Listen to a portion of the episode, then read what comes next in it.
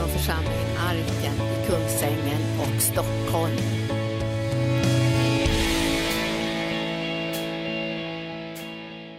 Ja, vi välkomnar dig helige Ande att göra orden levande för oss. Vi är här för att höra ifrån himlen. Vi vill höra den sanningen som är uppenbarad genom Jesus Kristus som du har sänt Fader. Och vi prisar dig för att den sändningen av honom har förändrat hela situationen för oss människor. Vi har blivit räddade, vi har blivit frälsta, vi har blivit förvandlade. Vi har blivit eh, förvandlade så till och med vår identitet har förändrats. Från att vara syndare har vi blivit rättfärdiga därför att han har rättfärdiggjort oss. Hans blod har runnit till försoning för all synd. Vi är så tacksamma till dig Herre. Det här övergår vårt förstånd och det gör ingenting. För det är huvudsaken att det är sant. Och vi prisar dig för det Herre och vi tar emot det med öppna hjärtan och vi vill bara proklamera att det är du som är Herre över församlingen. Det är du som har frälst alla människor. Det är du som har gett ett erbjudande om att alla får ta emot det här i tro. På den gärning som du har gjort och inte vi själva. Därför är det här så enkelt. Det är så enkelt så att det blir svårt ibland. Men Herre, du kan visa vägen så att vi kan ta emot det som är vårt hjärtas längtan är vad som räcker för att kunna säga ja tack till den gåva som du ger i Jesu namn. Och församlingen sa halleluja. Varsågoda och sitt. Eh, ja, det är ju då äntligen liksom, eh, eh, dags att predika liksom, påskbudskapet. Alltså. Och jag vill säga det att det är ju det bästa och naturligtvis det mest centrala som finns liksom, för oss kristna. Eh, det här är inte, här är inte en av de stora högtiderna i kyrkan utan det här är den största högtiden. Det finns ingenting som kan jämföras med det här. Det är det här det handlar om. Alltså. Det som vi firar när vi firar påsk. Nu är det liksom, eh, man, man tänker när firar vi påsk? Jag brukar eh, försöka påminna om det. Då. För det finns ju liksom en liten ramsa som säger när påsken infaller. Och du vet att när jag, när jag stod ute i natt, ja, jag rör mig lite på natten också, så, för säkerhets skull. Då var jag ute i trädgården så, och, då, det, var, det var alldeles stjärnklart. Och sen var det fullmåne. Och det är precis vad det ska vara. Alltså, det är då som påsken infaller. Och du vet, jag skriver upp det här. Det här är liksom så här lite eh, eh speciellt. Va? Det är alltså påsken infaller första söndagen efter första fullmånen efter vårdagjämningen. Så ligger det till. Första, första, första. Så är det, alltså, så. så är det, är det fullmåne, då, då, då, kan det vara påsk. Eh, ja, I bästa fall då, då. Nu är det så. Så gå ut och titta på den. Den är alltså fullkomligt strålande. Alltså stjärnan nästan liksom bleknar i jämförelse med den. Alltså den är så stark. Jag tog fram en kikare och tittade på den så att jag liksom kunde se liksom alla de olika liksom delarna på månen. Där. Det var fascinerande. Alltså. Och då tänkte jag så här, nu är det påsk. Och jag kände att eh, det, här, det här att det infaller, det är därför som det liksom rör sig lite grann lite olika så här, Eh, datum är lite flytande så här. Och, eh, men, men det är det här som är kännemärket på när påsken är. Det är den viktigaste högtiden därför att det är här som själva försoningen äger rum mellan Gud och människor. Och om den inte ägde rum så borde vi förlora det. Alltså det är inte liksom, finns inte liksom någon slags liksom, liten, eh, liksom, halvdan grej så här. Ni vet ungefär, eh, om man, om man tänker på Biggest Loser så när de då misslyckas liksom och, liksom, och inte klarar av att liksom, nå målen liksom, med sina ansträngningar och banta och ha sig och, och, och gymnastisera så, så, så får de komma liksom, till en liksom, andra chans. Där. Kanske de kan komma där liksom, vinna, klara sig ändå va, så småningom. Jag säga, när det gäller det här som vi håller på med nu så finns det bara liksom en det finns bara en möjlighet att ta vara på, den enda möjligheten och det är att ta emot Jesus Kristus som sin frälsare här i tiden, nu. Nu är nådens tid alltså. Det finns ingen, det finns ingen annan liksom så här, vi, ja, det gick inte riktigt, då tar vi något annat lite mer nerbantat, lite enklare. Så. Det finns inte. Det finns bara en enda möjlighet och det är att ta emot Jesus Kristus. Han är frälsaren, det är han som har gjort det här. Han har betalat priset, han har räddat dig och mig innan vi ens visste om det. Och, nu, och innan vi ens tog emot det så har han fullbordat alltsammans. Det bara ligger där och väntar på dig. Du har en väg som du ska gå på, där du ska liksom gå in i Guds vilja, i Guds underbara frälsning som han redan har förberett åt dig. Alltså det är så enkelt man bara går. Kommer man bara på spåret här så går man rakt in i det som är hela härligheten och man blir, man blir räddad för tid och evighet. Alltså. Vi, vi, vi är de som har blivit räddade. Vi är de som har fått tag i det här. Vi är de som håller, eller som är inom hörhåll nu. Så nu kanske just nu är chansen för dig att kunna ta emot det. Därför att du, du har inte riktigt nått fram tidigare. Men nu är det kanske dags att säga ja tack Jesus, kom in i mitt hjärta, fräls mig, förlåt mig mina synder. Och han gör det! Alltså det, förstå att det här är liksom inte någonting så här, ja, så får vi se om det går, liksom, om man har liksom varit tillräckligt skötsam, god och snäll och, och, och eh, liksom läst Bibeln tillräckligt, gått tillräckligt mycket i möten. Alltså det är många som har väldigt mycket att ta igen där kan man säga, liksom, om de skulle börja jobba på det där. Vet du, om de går tillräckligt mycket i möten. Liksom, så här, man kan, kanske, det kan, det kan, tänk om du har missat långfredagen. Ja, visst, det blir jättetyst då. För det kan ju hända att man missar långfredagen. Hur går det då med frälsningen? Det går fortfarande bra. För att det, det beror på Jesu gärning, den är gjord. Och sen beror det på om du är en mottagare eller inte. När du så småningom har verkligen tagit emot det här, då blir du intresserad av långfredagen. Då blir du intresserad av påskdagen. Då blir du intresserad av annandag påsk. Då tänker du, kommer inga möten snart? Jo, det kommer på onsdag. Då predikar jag. Det finns, det finns möten liksom allt, överallt. Möten de, de, de ska stå som spön i backen. Alltså det ska vara så mycket möten så vart man än vänder sig till ett möte. Och därför att du och jag ska hålla vår relation med Gud levande. Det är på det sättet som, som vi är frimodiga att kunna representera honom, att vi håller den här relationen levande. Det ska inte svara så här, ja, och så det här med Gud, ja, vet jag, hur är han nu då igen? Och, så ska, och vad tycker, hur tycker du att Gud är? Vad tänker du om det? Så, här. så eller alla möjliga åsikter liksom om, om hur, hur Gud är. Men kära någon, det här är ju ingen gissningstävling. Det är, han, hurdan Gud är, det är ju redan uppenbart. Det var ju därför som Jesus blev sänd utav Fadern, för att visa hurdan Gud är.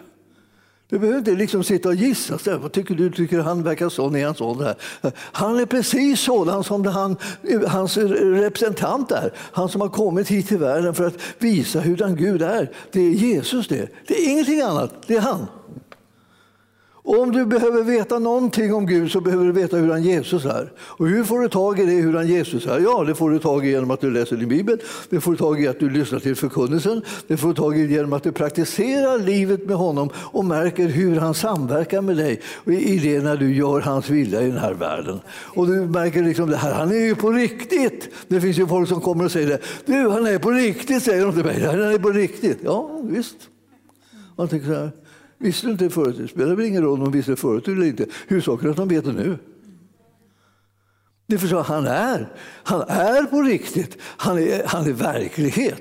Det är liksom det man, det man kommer liksom på det. Det är nästan som ett bibelställe. Du vet, du vet, någon, man läser Bibeln där, och plötsligt så ser man ett bibelställe och man, och man läser och man förstår vad det står där. Och man blir, man blir alldeles till sig. Och man springer med sin bibel och ska tala om det för någon. Man sätter under näsan på dem och säger titta vad inte fantastiskt det Jo då, säger de då bara. Men inte jo då, fantastiskt. ja, ja, säger hon. Ja, ja, ja.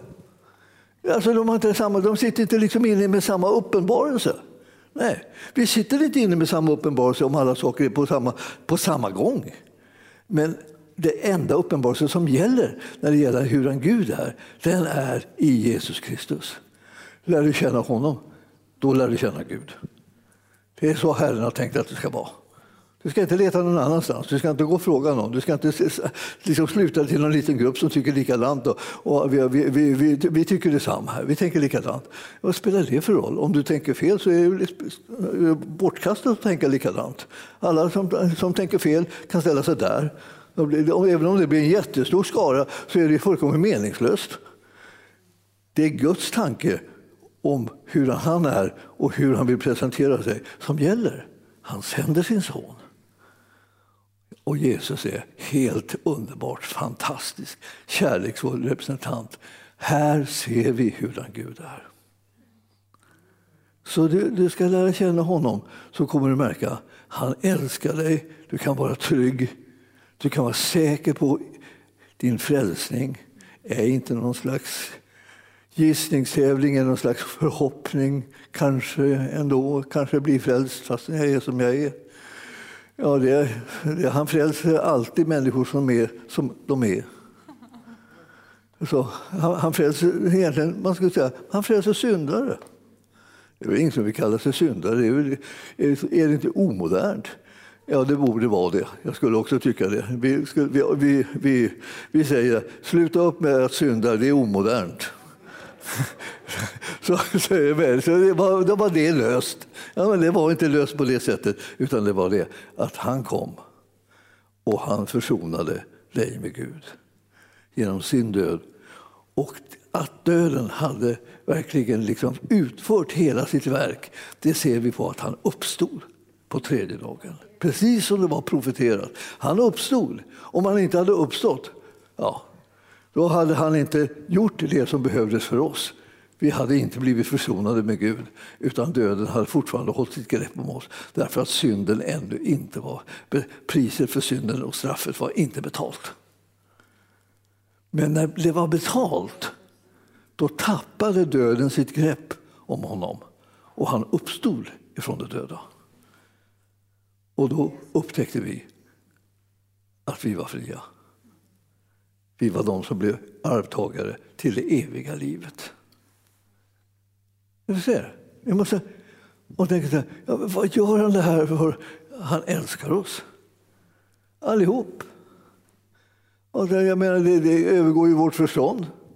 Ibland så förstår vi inte att han älskar just oss. Eh, ibland så förstår vi inte att han kan älska de andra. Man tycker de är så jättekrångliga som han medeltid. Hur klarar han det? Ja, han är fenomenalt kärleksfull. Han, han älskar oss. Att om, du, om du ställer frågan om han älskar dig så är svaret alltid ja.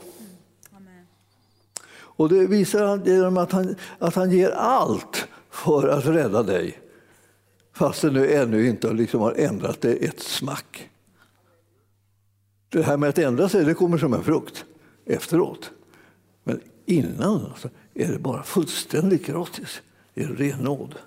Därför när man läser de här texterna nu, som vi hörde förresten, Anita, du, du, du gjorde det där jättebra. Det var inte enkelt. Nej, att läsa alla texten och den är inte riktigt så där smidig, den liksom, här översättningen. Alltså, så det flyter inte riktigt på, man känner att det hakar sig lite grann. Så här. Men det, det klarar det jättebra. Alltså, det är lång textläsning. Va? Men man säga, när, när ska man ha lång textläsning? Ja, det måste man ha då och då för att man får ett helt sammanhang. Annars så står vi liksom och, och tar en vers här och så tar vi en vers där och så plockar vi ihop det. Det är ju inte så att Bibeln i allmänhet liksom är så där funtad att den är inlagd i bara ämnen. Så är det här ämnet och så läser man det på ett ställe och så läser man nästa ämne och det, allt står på ett ställe. Utan det är överallt, splittras överallt så här och man får plocka ihop. Liksom. Och det är liksom, alla plockar inte ihop precis samma saker. Och det kan bli lite rörigt, men ni förstår, eh, Herren håller på och uppenbarar det här för oss genom sin ande. Guds ord ska inte läsas utan den heliga Andes ledning. Ni förstår, man måste be den heliga Ande Hjälp mig så att jag ser vad det är som jag läser, så att jag förstår det som, som, som står skrivet. Eh, I, eh, I det femtonde kapitlet här i i Första Korinthierbrevet. Det är liksom ett av huvudkapitlen som handlar om eh, hur är det liksom med döden och livet och synden och så här. Hur, liksom, hur, hur löser det sig? Det är ett långt kapitel. Alltså. Det är 58 verser. Eh, det är ett imponerande kapitel. Men alltså en del människor vill verkligen veta liksom, hur är det egentligen med, med, med det här med döden. Hur blir det efter döden och vad, vad gäller? Liksom och så? Ja, det står ju här. Och, eh, och fastän vi just har läst det så är det fortfarande liksom för många liksom eh, dunkelt. Liksom man, man kan inte få tag i det riktigt så snabbt som, som att man bara läser igenom det. Men man läser flera gånger och man läser bitvis och man, och man tänker att man stannar lite där och tills man liksom förstår ungefär vad det handlar om, det man läser. Och sen så nästa gång så går man lite vidare. Och så gapar man inte över för stora bitar utan man tar en liten bit i taget. Så får man snart klart för sig hur Gud har tänkt att det här med döden ska påverka oss. Det vill säga, det ska sluta påverka oss. Det vill säga, han, han har gett oss evigt liv. Den som blir frälst får evigt liv. Det betyder det att döden tappar totalt greppet om oss. Därför att Jesus har redan betalat priset för all synd. Så att bestraffningen har drabbat honom och det finns inget straff kvar. Och det finns ingen konsekvens kvar av synden som är döden. Och när man inte liksom är, liksom är den som får lyfta den där typen av, av liksom lön, att man, måste, att man måste dö, vad är det då kvar att lyfta då? Jo, då är det evigt liv. Evigt liv är det som Herren har vunnit åt oss, när synden är försonad. När blodet har utrunnit alltså, för att vi skulle fullkomligt tvättas alldeles rena och sen kunna stå där utan någon skam och utan någon fruktan. Det är något liksom alldeles enastående det här. Alltså. Och ju mer du tänker på det och ju mer du kommer in i det, desto frimodigare blir du att leva. Du ska ju våga leva. Man tänker, ja, men, ja, det är inte så lätt, det är så mycket trassligt att leva. Ja, ja, ja. Men, men, men, men du vet att, eh, kommer du ihåg att du har evigt liv? Kommer ihåg att du kan leva utan fruktan här i alla dina livsdagar. Kommer du ihåg det? Det, är det som gäller för dig. Liksom. Om du undrar, undrar så här, ja, men det är så mycket som problem och så mycket svårigheter med allting. Så kommer du ihåg att du inte behöver vara rädd för någonting? Kommer du ihåg det? Ja, det kommer jag knappt ihåg. för det, alltså, det här övermannar en, liksom, omständigheterna ibland. Svårigheterna, lidandet, alltså, problemen som man får. Alltså, och så säger Herren så här, jag har, har, satt in dig i ett nytt folk. Det folket får, får tjäna mig utan fruktan i alla sina livsdagar, har jag tänkt. Det är vad jag planerat för dig. Varsågod. Och så tänker jag, hur ska man kunna få tag i det nu? Och, så, och en del har liksom, liksom, liksom nästan som en speciell kapacitet liksom att kunna göra problem av varje god sak. Så man tar, man börjar brottas med att krångla till det liksom, och tänker hur ska det här gå? Hur ska jag, gå? Hur ska jag klara det? Ja, alltså det här är sånt där som Herren har klarat. Det, det, det, vi, vi, hade en bok, det här, Låt inte Satan stjäla din glädje, tror jag den heter. Och, men det finns en annan bok som heter Nåden räcker. Den har jag skrivit. Den är rasande bra. Ja, alltså jag, jag, jag läser den då och då och tänker, var har jag fått allt ifrån? Det här är superbra. Alltså, och den är väldigt liten och tunn och enkel va? Så att, säga, liksom, att läsa igenom. Och, och kapitlen består av ungefär två sidor. Så man kan säga hur många kapitel har du läst idag? Alltså man kan riktigt, riktigt drämma till där med så, man hinner jättemånga kapitel alltså, utan att liksom egentligen märka det. Men jag förstår att där står det om att nåden räcker. Det vill säga det här att det är gratis, det räcker. Det är inte så att du, har någonting gratis, ja då är det liksom alltid någonting som ett tillägg som kommer. Så där. Någon extra så här. Man, du, du, får olika fördelar och så här, men så visar det sig själva verket. Sen måste du ändå betala på något sätt. Och så kommer det liksom, eh, liksom, eh, eh, ytterligare utmaningar och krav och allt möjligt sånt. Det här, nåden räcker. Det som är gratis är fullständigt gratis. Det, är, det förväntar sig inte att du ska liksom leva upp till det på något vis, att du ska inta det, att du ska vara duktig i kubik. Det förväntas inte av det. Det förväntas att du tror på hans gärning och tar emot den i, i tro. Räkna den som din, så att du kan vara fri och utan fruktan. Det är inte jättevanligt bland kristna att de är utan fruktan. Det är som att budskapet på det här området inte riktigt har trängt igenom. Men själva kunskapen om att vara utan fruktan, den ligger fördold i det att Jesus har betalat priset för oss. och att döden är besegrad. Och han har uppstått från de döda som den första bland många. Bland alla dessa många så finns var och en som tror. Där är det. Var och en som tror på hans gärning, bland dem finns vi. Alltså, det, förstår att det, det, är, det är som en gratis gåva. Det är inte någonting så här, oj, oj, oj, jag ska, kämpa, jag ska kämpa mig till att vara riktigt eh, kristen och sådär. Och, det, och då, då, är det ofta så att man, när man håller på att kämpa där, då är det som att man har glömt bort att det var gratis.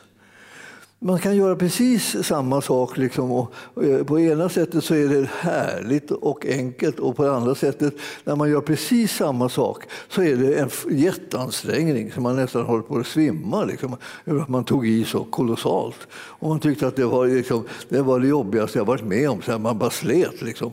Men, men det här, i själva verket var det ju alldeles gratis och du behövde inte slita. Jesus har redan slitit. Alltså det är det här att han har gjort det i vårt ställe som är den svåra saken. Vi tror alltid liksom att sen alltid när vi dyker upp då, då ska det göras om och då ska vi göra det.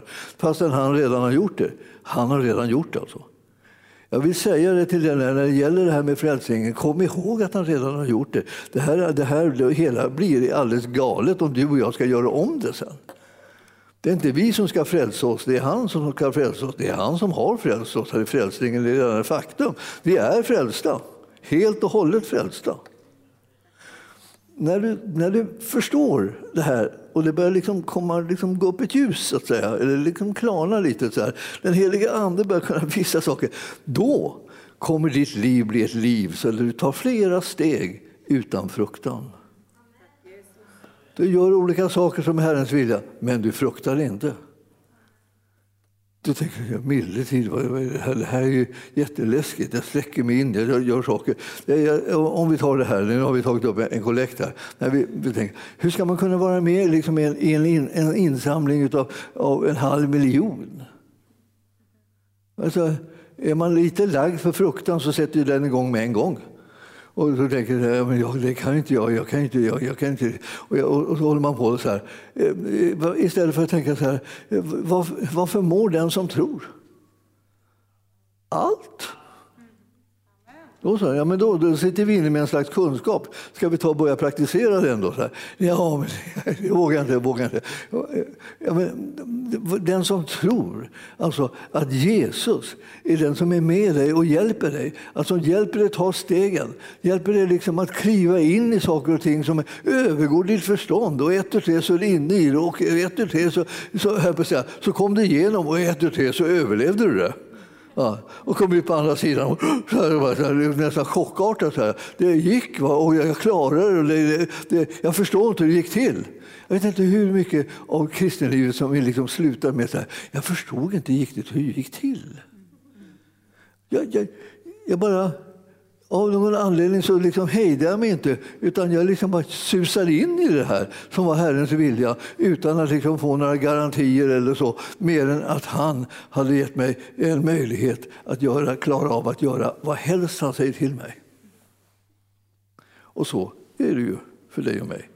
Vi på något sätt så behöver vi någonstans ha en punkt där vi bestämmer oss liksom för nu gör jag det vad han, vad han säger till mig.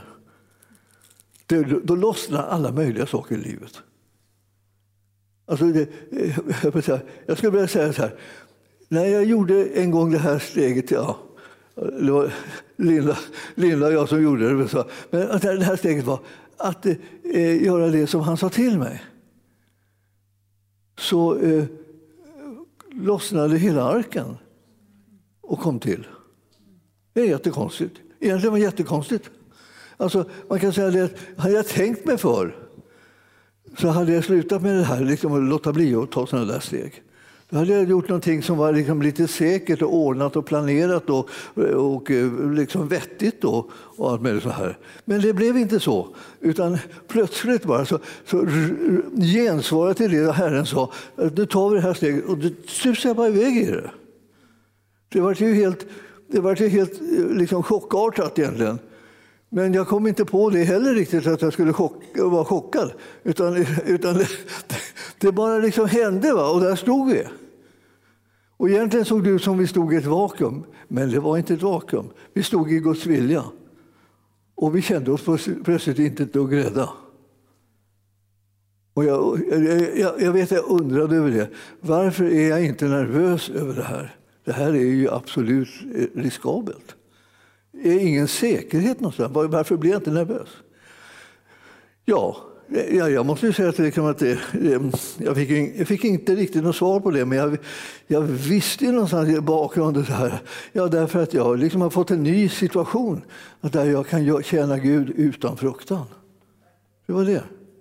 Det blev inte så att när jag började tjäna Gud och klev ut i det som var hans vilja så blev jag fylld av fruktan. Jag blev inte fylld av fruktan, jag bara stod där och, och tänkte på det här var ju jättekonstigt. Alltså. Och jag tänkte, hur vågar jag? Ja. Och jag fick inte riktigt klart för mig hur jag vågade då. Det, det har klarnat i efterhand. Så här. Man kommer på saker och ting i backspegeln. Men, men just när det händer så, ja, jag vet inte riktigt hur det var. Därför har Jesus nu kommit och sagt att alltihopa som du behöver har jag nu gjort för dig och löst för dig så att du skulle kunna gå in i det. När helst du liksom får tag i det som är verkligt min vilja kommer du in i det som en övernaturlig sfär. Där Herrens vilja kan liksom spränga alla gränser och, och fylla alla möjliga behov som uppstår som inte alls är ordnade av dig eller av någon kompis till dig, eller mamma eller pappa eller någon sån här, vad helst det kan vara för någonting som man, liksom, som man ringer när inte man har fått saker och ting att funka. Så, så ringer man någon. Eh, men de där eh, de, de räknas inte. Det som räknas är, och det man behöver är att man kan ta emot just det som Herren har att ge i den där situationen. Och han har en lösning att ge för dig och mig så att vi kan leva ett övernaturligt liv. Vi behöver lära känna Gud. Och hur ska vi kunna lära känna Gud ordentligt? Ja, vi måste läsa ordet, Gudsordet. Alltså. Och nu tyckte jag det var så otroligt bra här i början. Jag läste eh, när det är 15 kapitlet, i första Korinthierbrevet. Där. där står det liksom lite grann och jag vill påminna er om evangelium, säger, säger Paulus. Alltså. Jag vill påminna er om evangelium som jag predikade för er och som ni tog emot och står fasta i. Alltså och genom vilket, alltså det här evangelium, som ni blir frälsta. Jag vill påminna er om orden som jag förkunnade, om ni nu håller fast vid dem. Annars var det förgäves att ni kom till tro. Jag meddelar det allra viktigaste, eh, vad jag själv hade tagit emot, att Kristus dog för våra synder enligt skrifterna. Nu sätter han igång, nu sätter han igång och talar om för oss vad är det som är så viktigt eh, att jag känner till. Jo, det är viktigt att jag känner till att det här som Jesus gjorde, det stämmer med skrifterna. Så han, han dog enligt skrifterna. Alltså. Och så vidare så här. Och så att han uppstod. Alltså. Och alltihopa det här handlar om att enligt skrifterna så var det på det här viset. Så det var inte bara så här att jag, alltså, eh, så, här, så här blev det liksom och, och, vi tror att det kanske betyder så här möjligen då. Och då. Eller vad tror du? Och så är det någon som tror någonting annat och så håller vi på så här. Alltså, det här tyckandet, det, det, det, det, är, det är världens sätt att leva på. Vi lever och är kallade att leva på ett sådant sätt att vi är ledda utav Herrens ande och Guds ord. Det är det, det, det sättet som vi väljer att leva på, ledda av Guds ande och Guds ord. Så därför när vi läser här så ser ni, jag vill påminna er om orden som jag förkunnade. Han säger att nu, nu är det så att det är någonting som du behöver minnas och det är vad Herren har sagt. Hur han har förklarat det, hur han har lagt ut det, liksom, det är det som du ska komma ihåg. Att, att Jesus sen, alltså, han, han dog för våra synder enligt skrifterna. Så det var inte bara liksom det verkar som han dog för våra synder, utan det var enligt skrifterna. Sen stod det att han blev begravd och att han uppstod på tredje dagen enligt skrifterna. Och ni som vet liksom lite grann om det där och läst eh, evangelierna märker att det var ju så när vi talade om här om söndagen att det fanns olika profetiska ord från Jesus om vad som skulle hända i hans liv. Som, nu, som kommer sedan att ingå i själva skrifterna, det vill säga i evangelierna. Men här är det också de profetiska orden som handlar om från Gamla testamentet som talar om vad, vad som skulle ske med honom när han kom. Och, och han skulle alltså eh, bli begravd och uppstå på tredje dagen enligt skrifterna.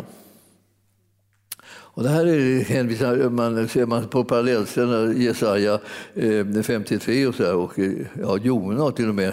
Ja. Och han, eh, och så, så, han visade sig för Kefas och sedan för de tolv. Och sen visade han sig också för eh, mer än 500 bröder på en gång, av vilka de flesta ännu lever, eh, men några har avsomnat eller insomnat. Ja, det här är ju sånt där som man kan säga det, det är liksom en liten redogörelse för. Det fanns vittnen. Alla de här 500 hade inte dött, som man sa tyvärr, det finns inga vittnen kvar, men de var väldigt många när de levde då. Men nu är de borta allihop. Så var det inte, utan det var några som hade, eh, som hade insomnat. Men de flesta var kvar. Så man hade vittnen som man kunde gå och fråga, hur var det där? Såg ni verkligen honom uppstånden ni allihopa? Ja, eh, och då kunde man ta reda på det. Så fick man, och han hänvisade till dem, ni, ni, ni kan få reda på det om ni, om ni har lust. Och så eh, står det så här, och sen visar han sig för Kefas och sedan för de tolv och därefter visar han sig för mer än 500 bröder. Ja, just det. Och så var det då, den sjunde versen. Och sen visar han sig för Jakob. Alltså det var eh, eh, förmodligen den Jakob som var hans bror. Och därefter för alla apostlarna. Eller så var det den brodern, eh, den, den brodern som, in, eh, som var en av, av apostlarna helt enkelt. Allra sist så visar han sig också för mig som är som ett oförgånget foster, säger Paulus. Den ringaste bland apostlarna. Och vad, hur, hur, kunde han komma med någonstans på ett hörn? Ja, alltså själv så ger han förklaringen att det, det var därför att jag fick möta Guds nåd. Hur kan du och jag komma med på ett hörn då? Ja, av samma anledning. Vi kan få möta Guds nåd. Så får vi vara med. Så det är liksom inte en stängd dörr, den är, den är öppen. Och den väntar på att du ska tro att den är öppen så att du kommer.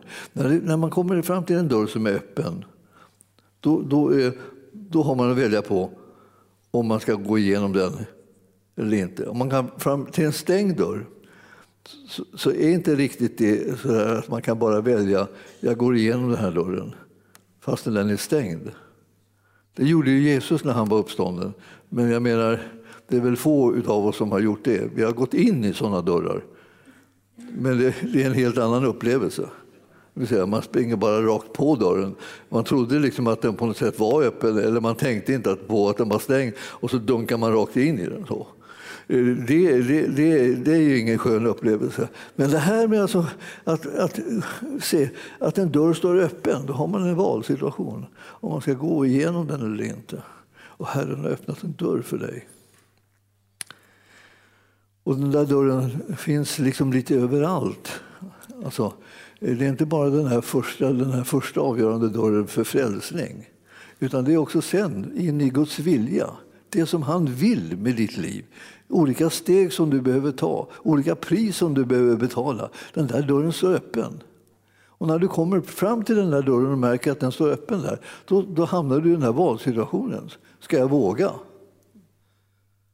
Ska jag, ska jag? jag vet inte riktigt vad det är som väntar mig riktigt på andra sidan. Men, men vem är jag? Jag är en sån här som känner Herren utan fruktan. Så skulle, är det så att det här är någonting som han kallar mig till att gå igenom den här dörren, då gör jag det.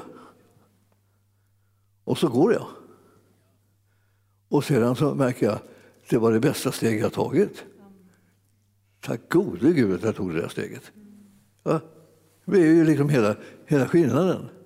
Men alltså är det så att jag inte har misstagit mig till exempel att det här var inte Herren, det var någon annan som inbjöd mig att ta ett steg här. Då hamnar man i den mest problematiska situation. Men Herren är alltid utvägen och lösningen. Så att även om det uppstår liksom krångel med att man inte hör rätt, och så, men det gör man ju inte så man, man, man, alltid, utan man, man tränar sig upp på det där. Liksom att lyssna till så man hör att vad som är Herren och vad som är, är inte är Herren.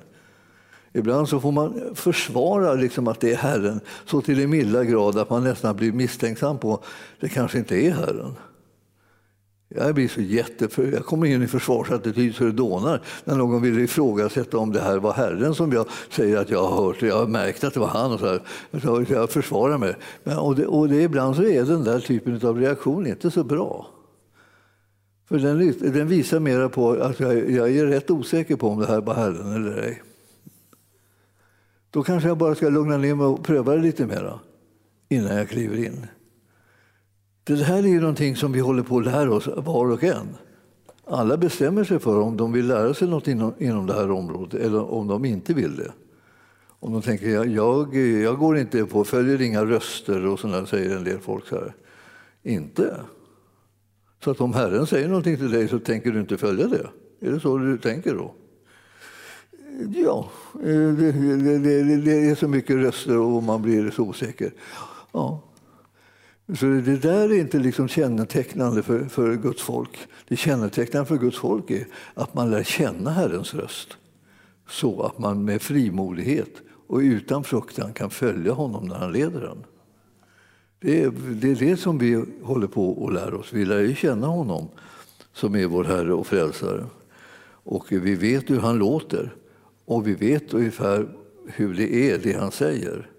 Alltså vi känner igen tonen i Herrens röst. Ja. Alltså, man, kan inte, man kan inte läsa Apostlagärningarna till exempel och tycka att, liksom, att de, de struntar i Herrens röst. De sa så här, nej vi tror inte på röster. För milde tid så mycket röster det var överallt där. Och hur, hur, hur, bra de blev så småningom på att höra de här rösterna så att de följde honom oavsett omständigheterna. De, de, de tolkade inte tillvaron på liksom, om det går jättebra för mig, då måste det vara så, det är Guds vilja. Och om det är jättekämpigt och jobbigt, då, då måste jag ha kommit fel på något sätt. Jag måste ha kommit fel. Och undrar vad det är för fel och så sätter man igång och ältar det här, vad det är för fel. När man i själva verket liksom ska lära känna Herren. När jag lär känna Herren kommer jag liksom komma till en, en trygghet när det gäller ledningen. Om jag bara skulle vilja känna Herren så, så, så, är det inte hela vägen ännu. Jag behöver ju jobba på det, att lära känna honom. Var finns han att lära känna? Han finns i ordet. Så det här, liksom, jag ska påminna er om ordet, säger, eh, säger Paulus till, till de här kristna, första kristna. Och jag, jag kan säga det, det är liksom det som man har som uppgift när man är en sån här som jag. Jag ska påminna er om ordet. Ni tillhör ett folk som utan fruktan gör Herrens vilja. Ni behöver inte tro att det saker och ting rasar ihop därför att inte ni är perfekta. Utan ni behöver tro att det som Herren har gjort håller. Vi har en frälsare som gör någonting som håller. Och därför så blir alltihopa liksom nåd till oss. Och när det börjar bli det, då börjar vi våga följa honom. Vi får den trygghet som behövs för att man ska följa honom. Och det, det, det, är underbart när det där liksom, liksom knackar på så att säga. Och, och man börjar känna att nu får, vågar jag gå på saker och ting. Nu kommer det att bära. Men genom Guds nåd är jag vad jag är och hans nåd mot mig har inte varit förgäves, säger Paulus, utan jag har arbetat mer än de alla, fast inte jag själv, utan Guds nåd som har varit med mig. Så det där med att han fick igång ett, liksom en livsstil som var liksom i linje med Herrens vilja, den handlar om att han hade mött nåden. Han trodde inte det var livsstilen som skulle frälsa honom. Lydnaden eller sådär. Utan det var så att den där livsstilen den kom som en frukt av att han hade mött en nåd som frälste honom och räddade honom från allt sammans, alla anklagelser, alla domar och alltihopa. Och just därför så vill han älska Herren tillbaka genom att göra hans vilja. Det gäller att inte få de här sakerna om bakfoten. För då kommer man in liksom i fångenskap. Och det är inte det vi ska in i. Vi ska in i frihet. Tjäna Herren utan fruktan i alla våra livsdagar, det är frihet. Alltså, vare sig det gäller mig eller de andra så förkunnar vi detta. Och det är detta som ni har kommit till tro på. Så jag påminner om att nu är det liksom påsk. Och det är det här som ni har kommit till tro på. Det är det här som vi har förkunnat hela tiden. Att det här är ren nåd. Det är, inte så, det är en del som tror att det, att det är liksom nåd är någon slags slarv. Men nåd är, är att hela straffet är liksom försonat och taget, borttaget och priset är betalt. Liksom allt, allt har redan ut, ut, drabbat så att säga, Jesus själv. Och det är han som har dött och det är han som har lidit och allt sammans för vår skull. När vi ser på hur mycket han lider så kan vi till och med tänka att det där är absolut tillräckligt för att det ska försona min synd. Jag tänkte en gång i världen när jag var liten, liten pojke, jag kan inte förstå varför Jesus måste dö för mina små synder. Jag tänkte, vad, vad gjorde jag för något, liksom, vad var det för synder? Jag tänkte, vad gör jag för någonting som är så fruktansvärt och Jesus måste dö? Alltså, jag tänkte, det här var ju, vad är det, Vilka, vad är det för någon slags hemlig, jag har någon hemlig synd någonstans som är så fruktansvärt, han måste dö. Alltså, om, det, om, om det bara var för dig nu så skulle han dö ändå, liksom för mig. Då. Och tänkte, vad är det här? Jag kan inte förstå det. Jag kan inte komma på liksom, varför skulle ta i, man ta i sådana fruktansvärt. Liksom. Alltså, jag trodde att synd bara handlar om liksom, det, vad, vad man gör. Men synd handlar ju först och främst om vad man är. Om man är en syndare, någonting som vi har fått i arv genom syndafallet och det liksom sitter som en liksom bromskloss i hela vårt liv och gör att vi inte kan komma dit vi ska medan förrän Herren kommer och löser oss genom att han tar på sig straffet för synden och vi inte längre behöver vara syndare utan har blivit rättfärdiggjorda. Nu är vi rättfärdiga. Om man vågar på, sig på den tanken att man är rättfärdig, som känns nästan som någonting fult. Det är mycket bättre i många kretsar att säga att man är en syndare, då är man åtminstone ödmjuk. Men om man säger att man är rättfärdig, då är man ju högmodig i kubik. Så, det är svårare och så vidare. Så att därför så, jag älskar det här att vi liksom säga det. Man kan använda sig av spegeln då, man kan träna där. Och när man tittar in i spegeln så ser man, titta, en, en fullkomligt rättfärdig man tittar in.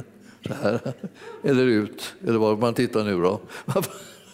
Så ser man sig själv då. Och så, och så tänker man, man blir så matt av liksom själva övningen. Då, då, Men man behöver öva så här i liksom att, att man är någonting som är konsekvensen av Jesu gärning. Det har fått en konsekvens. Jag har satt tro till honom. Han har gjort det här för mig. Det betyder att hela mitt liv är förändrat. Jag är inte längre vad jag var.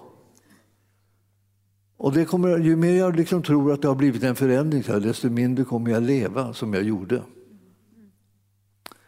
Det vill säga, det blir inte så där att oh, man, alla syndar vi jämt. Jag brukar ju berätta ibland förut, jag var ju liksom en, en, en from och fin eh, eh, docent som jag hade när jag läste teologi en gång i världen. Han, han, han, han, sa så här, han sa så här, ja, sa han, han var ju luthersk då, eh, präst och så. Han sa, när jag hade haft nattvardsgången och i kyrkan och hade tagit emot förlåtelse och liksom proklamerat liksom att vi har det nya förbundet och, och alltihopa det här. Ja, så hann jag inte mer än liksom vända på klacken liksom från altaret och gå ner, för det var några trappsteg där till i hans kyrka, så gå ner för den här trappan så jag kom ut ur koret förrän jag syndade igen. Så. Vad, vad, kan, vad, vad, kan, han synda med? Måste vara något slags, på tankeplanet. Det var inte någon som, han gav sig inte på någon eller så. Där. Utan han, var, han var ju liksom en from, fin man. Så här. Men alltså, han, alltså, han hade helt enkelt, jag har inte mer än några sekunder på mig förrän jag är där igen. Det var, vad var det som inte hade liksom fastnat hos honom? Han, var, han, han trodde inte på att han var rättfärdiggjord. Han trodde inte att Jesus gärning för honom var fullbordad och klar. Så att han vågade säga att han var rättfärdig, att han var godkänd, att han var accepterad av Gud. Precis det där som du vågar säga om dig. Som gör att du blir så frimodig och glad i varje situation istället för att du blir fylld av fruktan, vilket du inte alls är kallad till. Visst? Det här, när vi utnyttjar det här blir det liksom en, en väldig trygghet och en väldig glädje. Vi känner oss fria liksom. och vi kan börja göra det som är Herrens vilja. Vi är intresserade av det. Vi, det här, när vi tänker på vad ska, vad ska, vi göra, vad är vårt liv? Och vad, så här, då börjar vi tänka, vad, ja, vad vill Herren? tänker vi då. Det blir liksom ett nytt inslag i livet. Man frågar sig vad vill Herren istället för vad vill jag? Vad skulle jag tycka var mysigt och vad tycker jag är trevligt och vad skulle jag vilja göra helst? Och Vilka uppgifter gillar jag? Och bla, bla, bla, så här. Allting liksom kretsar liksom omkring mig och mina önskningar. Men så plötsligt kommer jag på, undrar vad Herren vill? Och då, om jag börjar söka då Herrens vilja så kommer du märka, kommer man ut i en frihet. Det finns en kolossal liksom, upplevelse av frihet som man behöver få, få tag i genom att man helt enkelt glömmer sig själv och får liksom syn på honom som jag ska tjäna istället. Stor skillnad. Väldig lättnad. Nu ska jag avsluta det här. Nej, säg inte tack Jesus nu.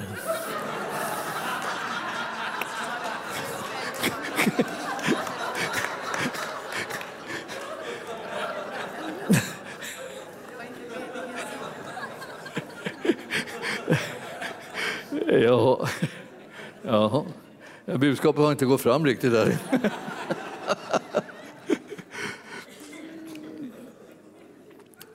Alltså, Jesus, man frågar sig om Jesus har uppstått från de döda. Om han inte har uppstått från de döda liksom, om så vore alltihopa förgäves.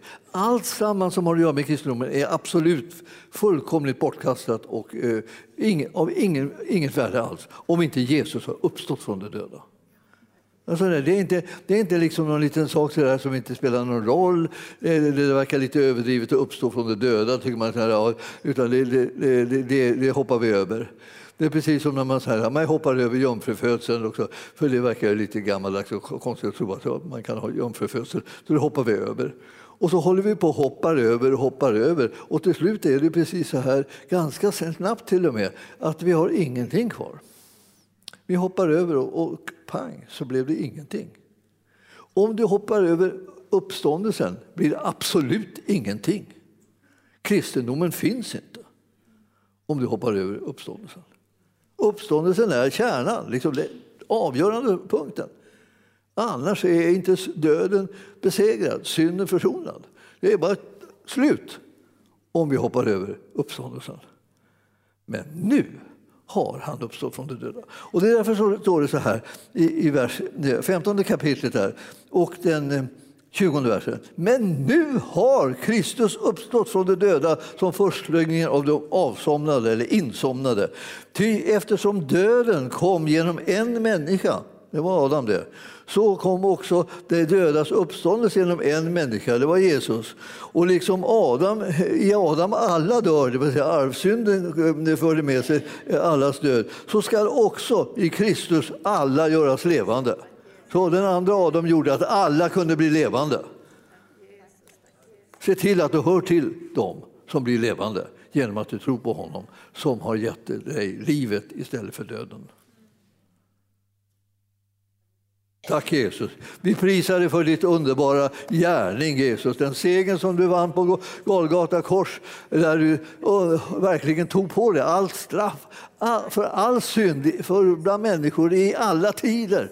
Så att när, när du uppstod så var det hela försonat och klart. Det fanns inget mer som behövde bli försonat. Allting var klart. Det behövde bara tas emot. Och vi tar emot det här i tro, Herre, och vi säger Jesus, kom in i våra hjärtan. Fräls oss och föd oss på nytt så att vi blir nya skapelser, rättfärdiggjorda, godkända, accepterade av Gud så vi med frimodighet kan komma till honom och be bedja om vad helst vi vill i ditt namn. Därför och du ska ge det. Vi vet att du har lovat det, vi tror på att det gäller oss och vi tar emot det och vi prisar dig för att vi får ett nytt liv utan fruktan. I alla våra livsdagar ska vi tjäna dig och följa dig och sen ska vi gå in i evigheten med frimodighet och glädje. I Jesu namn och församlingen så!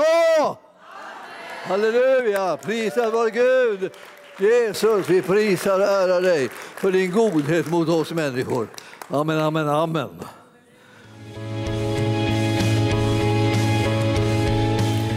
Tack för att du har lyssnat.